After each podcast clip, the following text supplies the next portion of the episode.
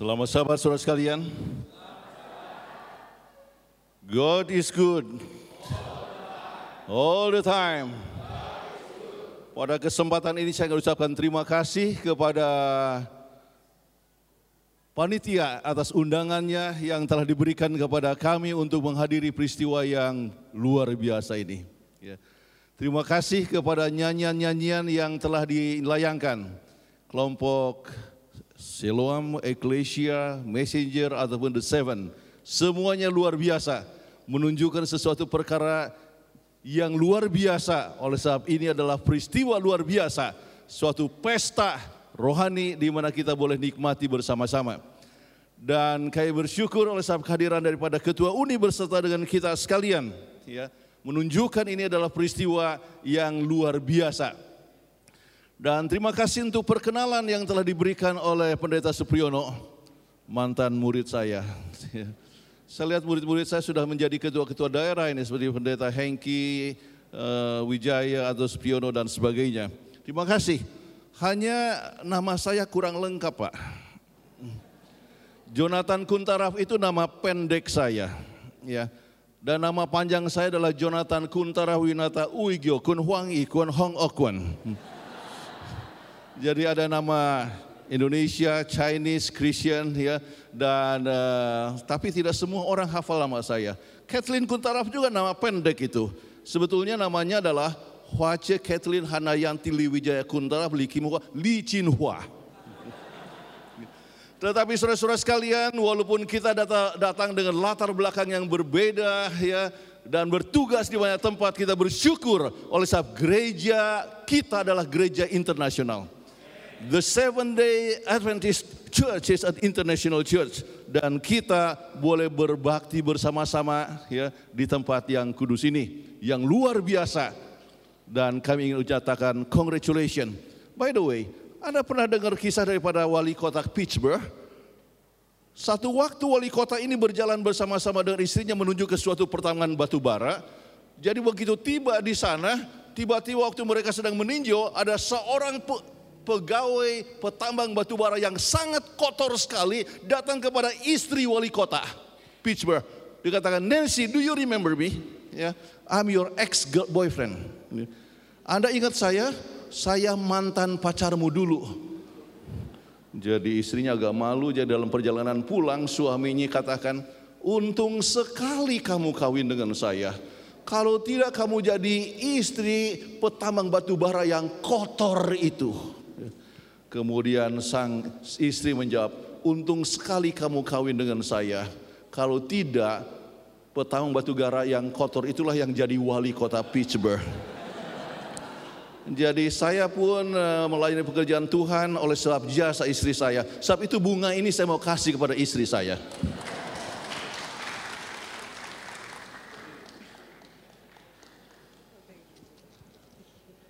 Dan juga Kathleen akan berikan juga ikut ambil bahagian dalam khotbah, jadi boleh duduk di agak depan.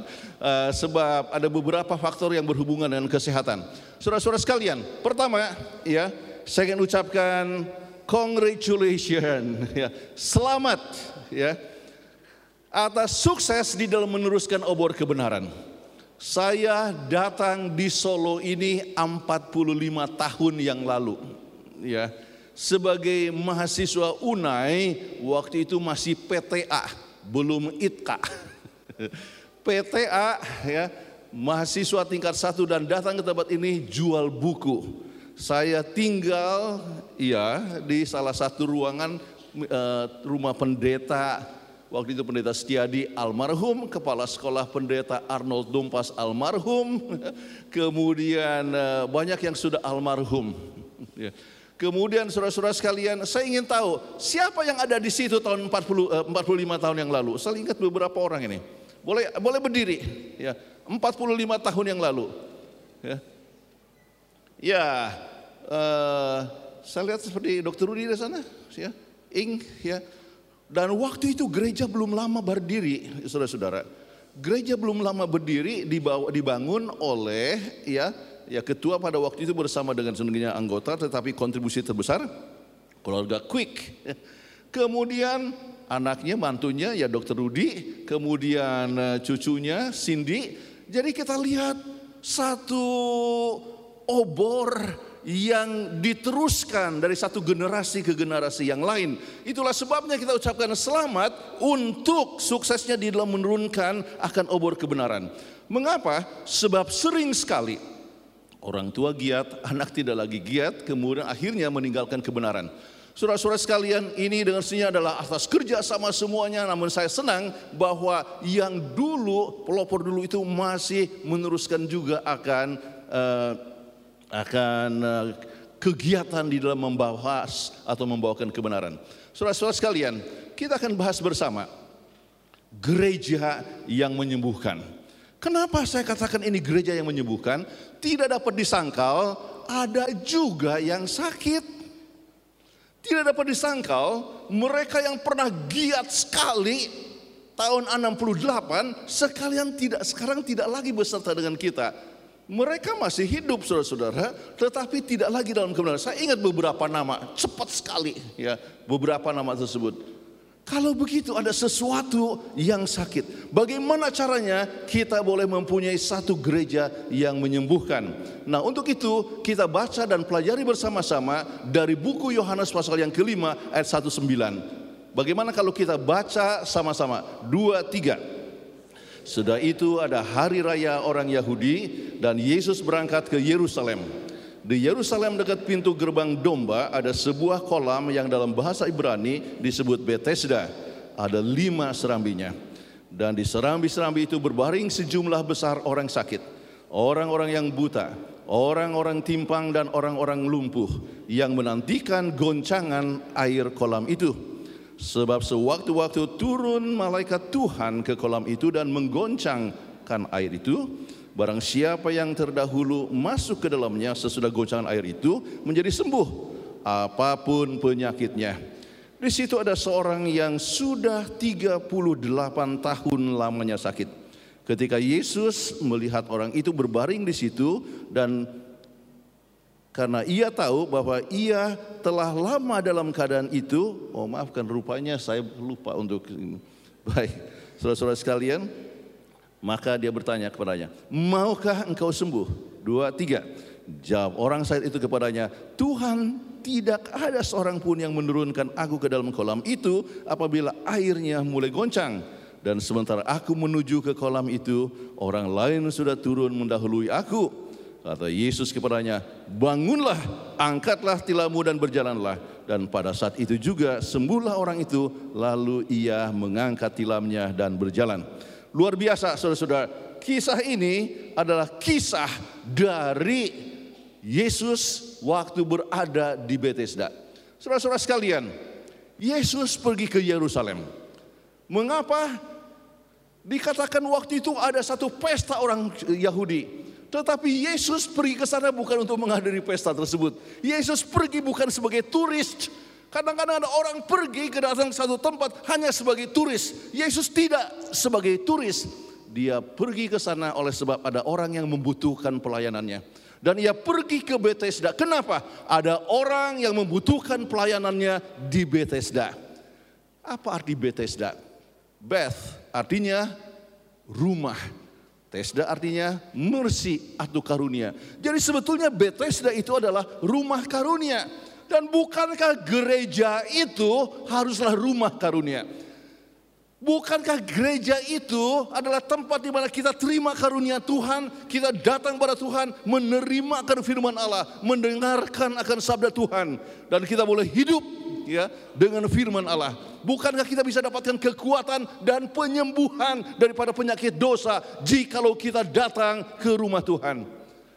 Gereja haruslah menjadi rumah karunia. Satu kali dosen saya, Hermenia Reyes, mungkin juga dosen pendeta uh, Parangin mungkin ya, Dr. Reyes, ya, bertanya kepada saya, Jonathan, ya, apakah anda bersyukur jadi orang Advent kalau tidak ada surga? Itu yang dikatakan. Apakah syukur jadi orang Advent kalau tidak ada surga? Terus saya jawab kepadanya, oh ini pendeta Panjaitan satu kelas dengan saya waktu itu. Terus saya kata, oh beruntung juga. Bagaimana menurut Anda? Apakah beruntung jadi orang Advent kalau tidak ada surga? Wah, Anda bingung. Anda bingung. Tapi jawaban saya, ya, oh beruntung juga. Kenapa? Sebanyak berkat, ya, jadi orang Advent. Ya. Banyak berkat jadi orang Advent. Tubuh yang lebih sehat, umur yang lebih panjang, mempunyai banyak teman, saudara-saudara sekalian, banyak keuntungan. Tetapi yang Tuhan berikan bukan hanya keuntungan di dunia ini, tetapi di surga Tuhan sudah siapkan. Jangan khawatir tentang surga. Oh, jangan ajak, jangan katakan pada orang lain, oh ini pendeta Kuntar katakan tidak ada surga. Oh, bukan begitu, saudara-saudara. Yang Tuhan berikan jauh lebih banyak, tapi kita sudah bisa nikmati di mana? Banyak yang kita bisa nikmati di dunia ini.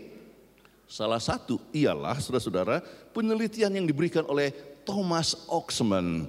Nah di sinilah bahagian daripada Kathleen untuk membahas sedikit tentang ya penelitian ini.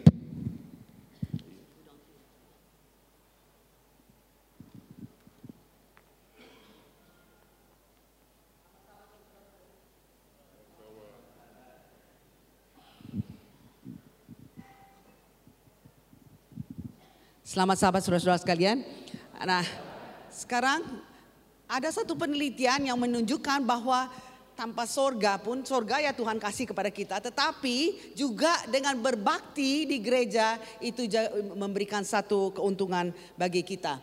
Nah kalau kita lihat di sini ada satu penelitian yang dilakukan di Fakultas Kedokteran Universitas Texas uh, yang dilakukan oleh Dr. Thomas Oxman, dia mencari tahu apakah pasien-pasien yang sudah operasi jantung, tetapi dia datang ke gereja dan kemudian apakah dengan datang ke gereja dan kemudian dengan mempunyai hubungan yang baik dengan Tuhan itu dapat menolong dia untuk memperpanjang kehidupannya. Jadi tidak akan uh, meninggal dengan lebih cepat. Nah, waktu itu mereka lakukan selama enam bulan post operative surgery. Jadi dia lihatkan di sini yang pertama adalah mereka yang kurang partisipasi rutin ya dalam perkumpulan atau gereja memiliki empat kali lipat kemungkinan untuk meninggal dalam enam bulan pasca bedah jantung. Jadi artinya begini, kalau Anda sudah operasi jantung, ya, datang ke gereja, tapi tidak mau berpartisipasi. Misalnya uh, Pak Pendeta katakan, eh tolonglah kasih uh, dua pembukaan, kayak atau kasih nyanyian, uh, song service, atau kasih berita mission. Ah nggak mau, ah cuma duduk aja terus. Hanya panaskan itu tempat duduk gereja, nggak mau berpartisipasi kemungkinan untuk meninggal dunia empat kali lipat lebih tinggi dalam waktu enam bulan. Terus kemudian kita dia lihat lagi ini enam bulan pasca uh, bedah jantung, mereka yang tidak mendapat kekuatan dan penghiburan dalam agama mereka memiliki tiga kali lipat kemungkinan untuk meninggal enam bulan pasca bedah jantung. Artinya begini, kan kita kalau datang ke gereja kita akan mendapat kekuatan dari firman Tuhan. Ya misalnya firman Tuhan katakan, meskipun dosamu merah kermisi. Kalau aku, engkau datang kepadaku, minta ampun dosa. Aku akan berikan putih seperti salju. Kan itu sesuatu satu kekuatan. Aduh saya biar dulu penjahat, pemabuk, perokok. Tapi kalau saya datang kepada Tuhan, mengaku dosa saya, Tuhan akan bersihkan itu. Dan saya akan menjadi putih seperti salju. Itu kan satu kekuatan. Tapi kalau orang datang ke gereja, duduk di gereja, ngorok, tidur, nggak dapat kekuatan dari Tuhan. Itu kemungkinan untuk meninggal tiga kali lipat. Enam bulan sebelum sejarah. Jadi itulah makanya kita harus mendengarkan firman Tuhan. Kemudian dia lihat di sini mereka katakan yang tidak mendapat kekuatan dan penghiburan. Oh ini, sorry, this is the third one yang mereka yang tidak berpartisipasi. Artinya yang duduk di sini pendeta minta tolong dia untuk kasih cerita anak-anak pun nggak mau. Pokoknya hanya mau memanaskan tempat duduk ya. Dan juga yang mereka datang sini hanya ngantuk-ngantuk aja nggak dengar firman Tuhan. Nggak mendapat kekuatan dari Tuhan. Maka dia memiliki tujuh kali lipat kemungkinan untuk meninggal dalam enam bulan pasca operasi jantung. Jadi tujuh kali lipat. Makanya kita katakan kalau kita datang ke gereja dan mendengar aktif berpartisipasi itu memberikan satu keuntungan bagi kita. kasih. Jadi kalau begitu kita lihat bahwa dengan datang ke gereja kita bisa dapatkan suatu kekuatan. Selamat datang Dr. Rudi Yanto, ya kawan lama. Baik, saudara-saudara sekalian, kita coba lihat ya. Orang datang ke gereja harus dapatkan suatu keuntungan. Namun kita dapatkan orang ini sudah 38 tahun ya sakit. Sudah sering sekali datang di Bethesda. Hari-harian di Bethesda. Yang disebut rumah karunia. Namun ia tidak sembuh. Ya. Apakah mungkin ada juga orang yang sering ke gereja tapi tidak sembuh? Mungkin ada orang yang sudah 10 tahun datang ke gereja tapi masih belum sembuh dari penyakit dosa. Itulah sebabnya mukanya tetap panjang terus. Ya. Tidak pernah bersuka cita. Kenapa? Dia tidak merasa bahwa ia telah ditebus oleh darah Kristus. Saudara-saudara sekalian, sekarang apa yang menyebabkan seorang itu tidak sembuh? Apa yang menyebabkan seorang itu belum berubah? Nah, kalau kita lihat kepada anak eh, orang ini waktu ditanya, "Maukah engkau sembuh?" Maka dikatakan, "Tuhan, tidak ada orang yang menolong saya." Kalau begitu, dia tergantung kepada orang lain untuk kesembuhannya. Saudara-saudara sekalian, ada banyak orang yang selalu bergantung kepada orang lain untuk pengembangan kerohaniannya. Ya, saya tidak tahu anda ingat bahwa kita hidup dalam zaman informasi. Kita adalah hidup dalam zaman informasi di mana kita dapatkan informasi melalui surat kabar, majalah, televisi, internet, kabel television ataupun segala macam cara sarana internet sekarang ini dan semua sumber informasi bersaing satu sama lain. Apa akibatnya? Alkitab ini sudah tidak lagi menarik. Orang gunakan waktu lebih banyak dengan televisi, atau dengan internet daripada dengan Alkitab. Apa yang terjadi? Maka orang menjadi kelaparan akan firman Allah. Sering orang kelaparan oleh sebab tidak tahu mencari makanan sendiri. Saudara-saudara sekalian, banyak yang sudah pernah mampir di Yellowstone Park Amerika. Dan kalau tiba di sini, kemudian Anda lihat satu tanda yang besar. Please don't feed the bear jangan kasih makan kepada beruang ini. Ya orang sering tetap masih makan juga kasih makan juga kepada beruang. Kenapa orang dilarang untuk makan uh, untuk kasih makan beruang? Oleh sebab orang-orang itu ya dapatkan bahwa beruang-beruang ini jadi tergantung kepada turis. Jadi pada saat tidak ada turis, mereka tidak tahu cari makan sendiri dan beberapa beruang mati oleh sebab tidak tahu cari makan sendiri. Saudara-saudara sekalian, apakah mungkin ada di antara kita yang tidak tahu cari makan sendiri?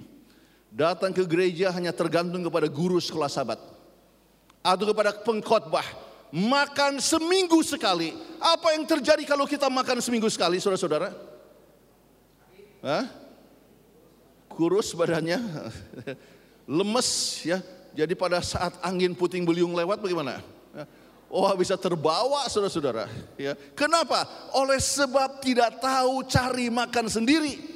Banyak sekali orang yang tidak cari makan sendiri dalam firman Tuhan. Sebetulnya kita punya sekolah sahabat, kita mempunyai Alkitab. Kalau seandainya kita tidak ambil waktu di dalam mencari makanan sendiri, hanya tergantung kepada orang lain, maka kita gampang sekali terombang-ambingkan oleh suasana dan gampang sekali kita terbabit. Itulah sebabnya kalau kita datang ke gereja dan kita sudah siap dan tahu makanan sendiri, kita bisa terlibat dalam berbagai macam diskusi. Saudara-saudara sekalian, mengapa seorang tidak sembuh? Sering tergantung kepada orang lain. Yang kedua, ialah oleh sebab dikatakan bahwa ada problema atau melihat problema orang lain. Jadi orang ini katakan waktu ditanya oleh Yesus, maukah engkau sembuh? Dikatakan, sebelum saya masuk ke sana, ya orang lain mendahului aku. Jadi orang lain menjadi penyebab ia tidak sembuh. Saudara-saudara sekalian, apakah mungkin orang lain menyebabkan kita tidak sembuh? Melihat salah orang, Melalui melihat salah pendeta, ah lebih bagus saya tidak ke gereja lagi. Melihat salah ketua, melihat guru kesalahan guru sekolah sahabat, ah, saya tidak mau datang ke sekolah sahabat. Jadi melihat kesalahan orang lain, maka kita jadi tidak sembuh. Saudara-saudara sekalian, saya tidak tahu mungkin ada pernah dengar cerita ini dari Jerman. Ya, ada satu keluarga pergi ke hutan mencari jamur hutan. Wah, mereka senang sekali tiba di sana dapatkan banyak sekali jamur hutan. Jadi ibu langsung sampai di rumah, langsung dia mulai masak jamur. Dan begitu sedap sekali di jamur, ya, mereka makan dengan nikmat sekali. Tetapi oleh sebab kebanyakan itu jamur, sebahagian tidak habis. Jadi yang sisa dikasih makan kepada kucing. Kemudian semua duduk di ruang tamu, tiba-tiba sang bapak lihat sesuatu yang aneh dengan kucingnya ini. Kenapa? Kucing ini tiba-tiba putar-putar, makin lama makin cepat dan tiba-tiba ini kucing terbalik. Langsung suatu terpikir kepada bapaknya ini, kata, wah kita semua sudah keracunan jamur. Lihatlah, kucing juga keracunan jamur. Langsung dia berteriak, kita harus ke rumah sakit.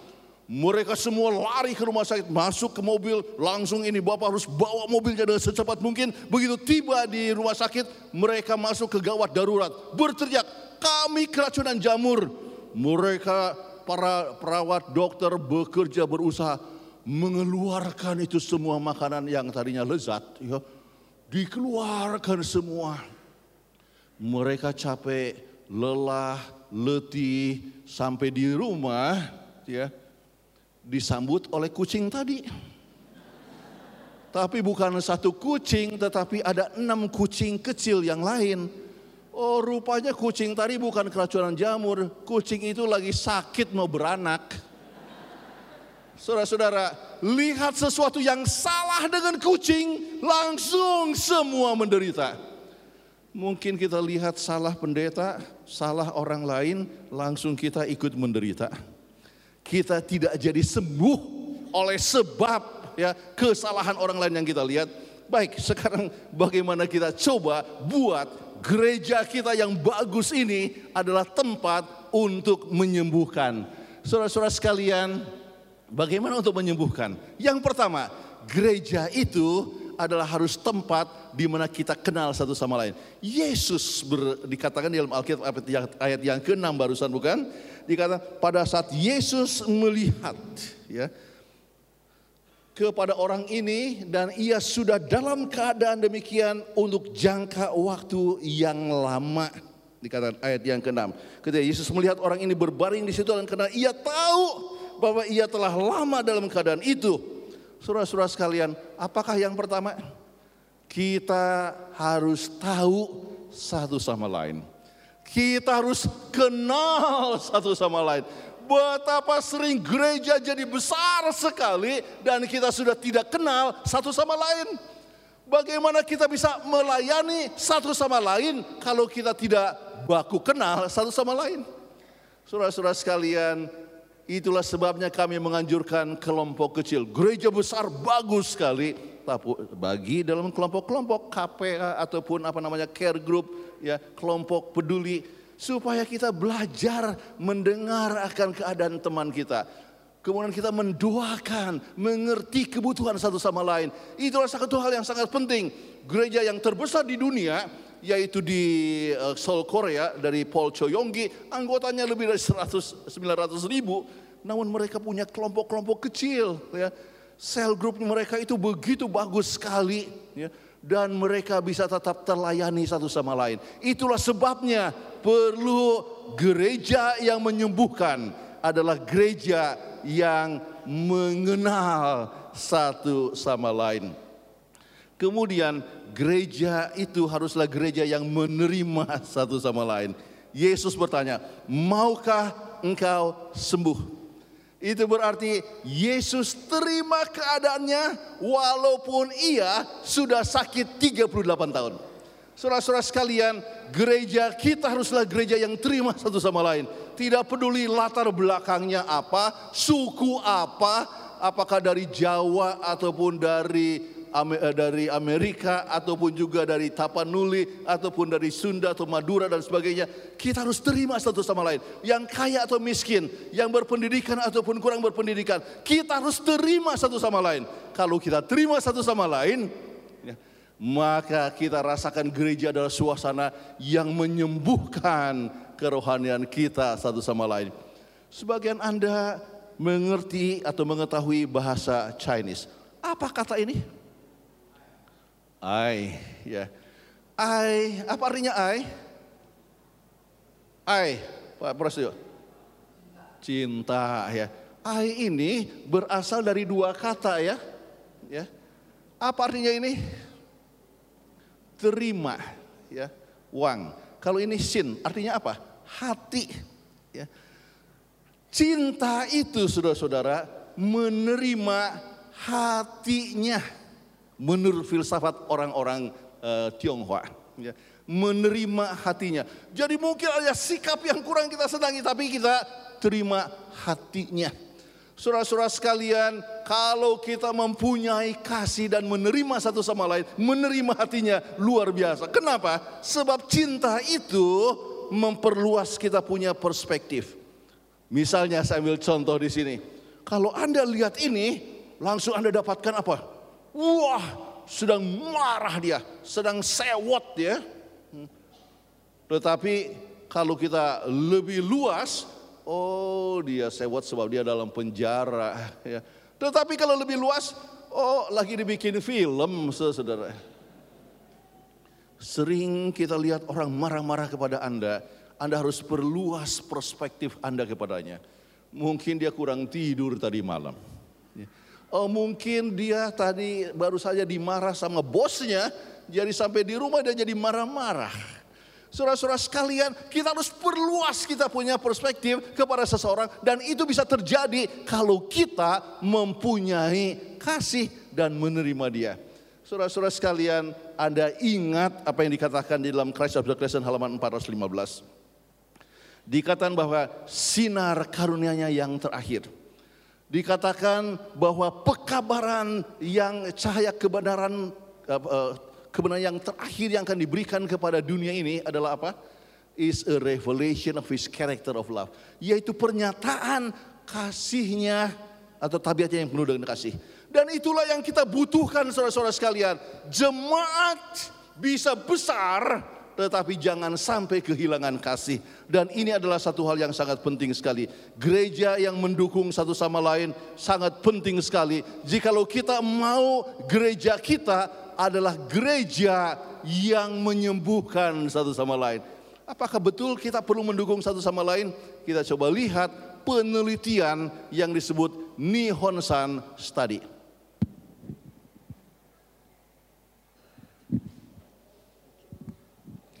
Penelitian Nihonsan ini, Nihonsan adalah abbreviation dari Ni stands for Nippon, Hon stands for Honolulu, dan San stands for San Francisco.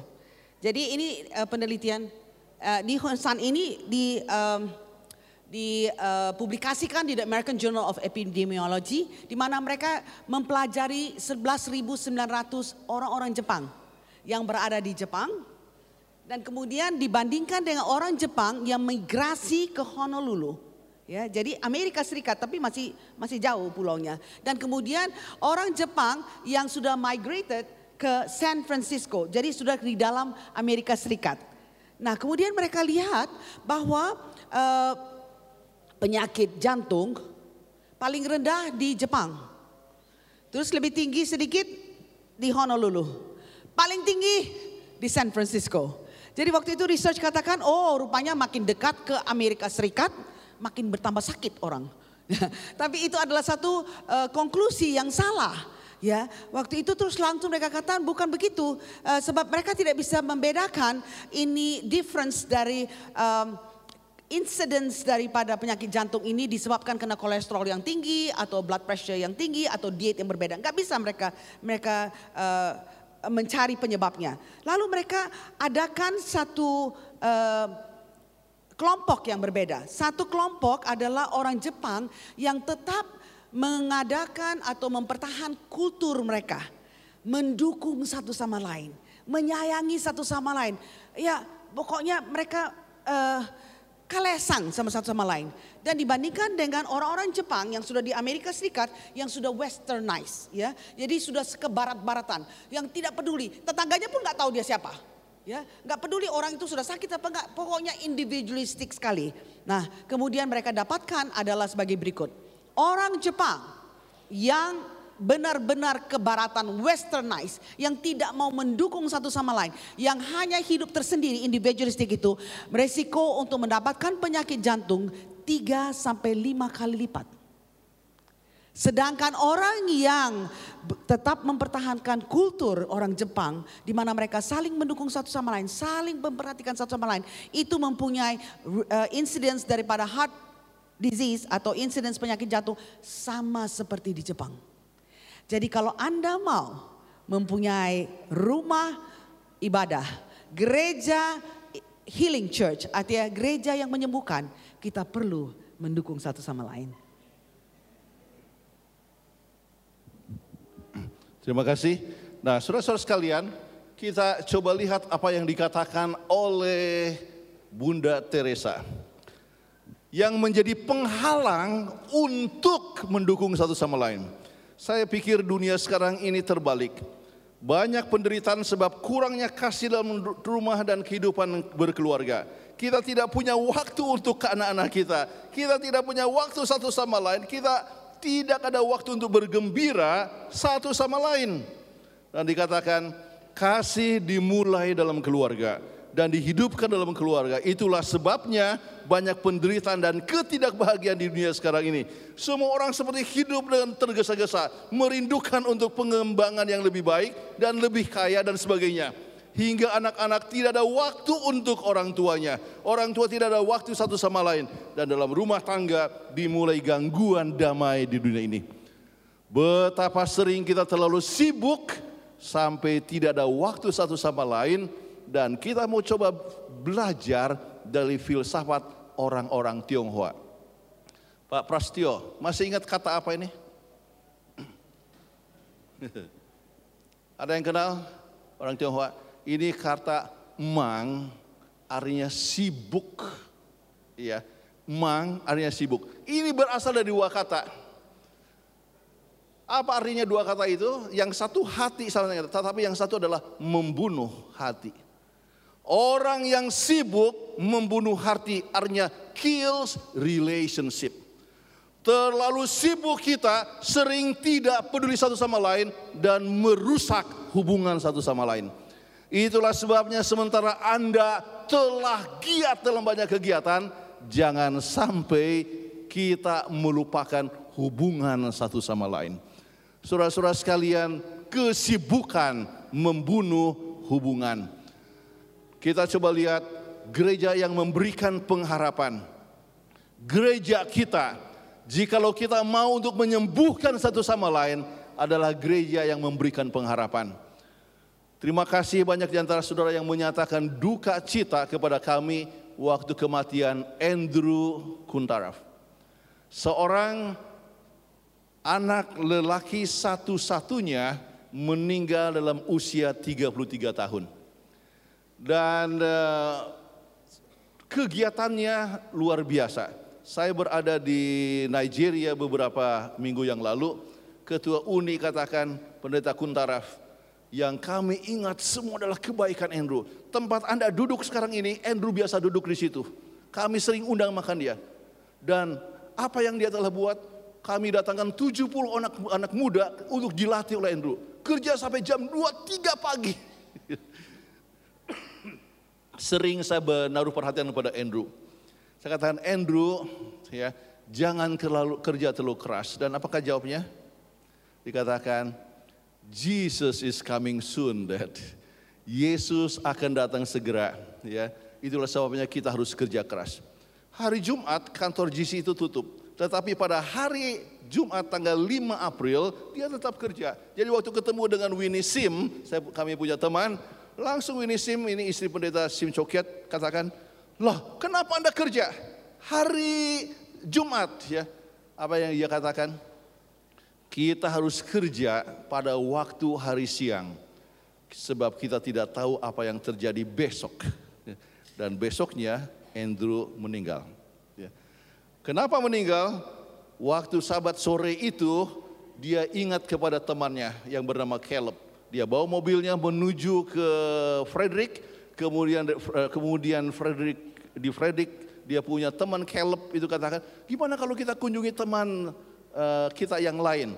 yaitu ke West Virginia. Jadi mereka ke sana, kemudian Andrew lihat, oh ini ada motor, ya boleh pinjam motor sebentar. Ini udara cukup bagus sekali untuk menikmati alam. Jadi dia keliling saja, sementara teman-temannya menunggu. Waktu keliling itu dia melalui satu persimpangan jalan, kemudian dia lurus, terus ada sebuah mobil yang potong. Ya. Dia potong, ya kemudian terjadi tabrakan dan ye, eh, apa namanya Andrew meninggal di tempat. Ya. Saudara-saudara sekalian, bagaimana perasaan kita sebagai orang tua? Ya. Anak lelaki satu-satunya. Namun kita bersyukur oleh sebab gereja kita adalah gereja yang mempunyai pengharapan. Kita bersyukur sebab gereja kita mengajarkan pengharapan dan kami bersama-sama menguatkan satu sama lain. Saudara-saudara sekalian, begitu banyak surat ataupun pernyataan bela songkawa dan mendoakan kami. Ya.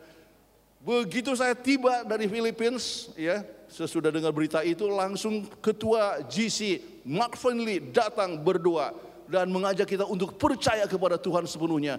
Kekuatan datang dari satu umat yang memberikan pengharapan. Dan saya tidak bisa lupa dengan Andrew. Andrew kalau kami pulang dari itinerary, dia datang ke kantor saya, langsung dia peluk saya. Dad, I love you dad. Dia sibuk, tetapi dia sengaja datang ke I love you dad. Dia pergi ke kantor mamanya, Mom, I love you mom. Itulah yang kami rasa kehilangan sekarang ini. Tidak ada yang datang dan artinya katakan I love you. Tetapi saudara-saudara sekalian, kita punya pengharapan, pengharapan di mana kita boleh ketemu dengan orang yang kita cintai dan kami bisa bayangkan waktu Andrew datang dan memeluk kami dan dikatakan I love you dad. Dikatakan yes Andrew, we will not be separated anymore. Kita tidak akan terpisah kembali. Saudara-saudara sekalian, kita punya pengharapan dan gereja kita harus memberikan pengharapan. Kita harus memberikan pengharapan kepada mereka yang berduka. Kita harus memberikan pengharapan kepada mereka yang kekurangan. Atau mungkin perlu kekuatan dan sebagainya. Gereja kalau kita memberikan pengharapan satu sama lain. Maka kita boleh dapatkan gereja yang menyembuhkan. Kami boleh sembuh daripada duka cita yang begitu besar. Kenapa? Sebab gereja yang menguatkan satu sama lain. Saudara-saudara sekalian, gereja yang bekerja dengan Kristus ya dengan penuh kasih sayang. Saudara-saudara sekalian, saya lihat saya sudah harus berhenti tetapi saya tutup mungkin teruskan untuk beberapa hal yang sangat penting.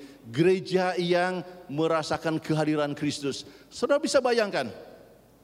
Ini orang sakit ini sudah lama datang ke Bethesda, tidak sembuh-sembuh. Kapan dia sembuh? Sesudah Yesus hadir di situ. Saudara-saudara sekalian, kehadiran Yesus yang boleh memberikan suasana kesembuhan. Kehadiran Yesus yang boleh menyebabkan perasaan kasih. Mungkin Anda ingat ya ilustrasi saya pernah berikan kepada kalian. Apakah sembut punya prasangka keagamaan atau tidak? Ada atau tidak? Ya. Jadi ada seorang seorang peneliti dia kumpulkan 45 ekor semut, dia mulai kasih warna merah, biru dan putih dia kumpulkan ini 45 semut. Kemudian apa yang dia buat? Dia buat sebuah uh, box dan di dalamnya ada miniatur uh, rumah ibadah. Jadi miniatur gereja katedral, miniatur gereja Katolik, miniatur uh, gereja Protestan, miniatur is, uh, artinya Islamic mosque, masjid dan juga uh, ibadah orang-orang Yahudi. Dia mau lihat ini semut akan berbakti di mana. Jadi mereka lihat ini semut ya 15 yang pertama dia masuk ke gereja Katolik tidak mau jadi Katolik dia keluar dari sana masuk ke, ke masjid tidak mau jadi Islam dia masuk keluar masuk saja tanpa ada satu keyakinan. Kemudian peneliti ambil sepotong gula-gula dan gula-gula ini ditaruh di katedral gereja Katolik. Waktu 45 ekor semut, tiga macam warna, dilepas semuanya, semuanya pergi ke katedral, semuanya jadi Katolik. Waktu keluar dari sana dipindahkan ke masjid, semuanya jadi Islam. Waktu dipindahkan ke sinagog, semuanya menjadi uh, orang Yahudi. Rupanya gula-gula ini pergi, bukan gula-gula, semut itu pergi di mana ada gula-gula. Saudara-saudara sekalian, apakah ada sesuatu yang manis dalam gereja kita? Bukankah kita punya pekabaran yang indah? Bukankah kita mempunyai Alkitab? Bukankah kita mempunyai pekabaran di akhir zaman? Bukankah kita mempunyai pekabaran sabat yang sangat indah? Namun orang bukan hanya mau dengar tentang pekabaran. Orang mau dengar dan lihat apa kita mengasihi satu sama lain atau tidak.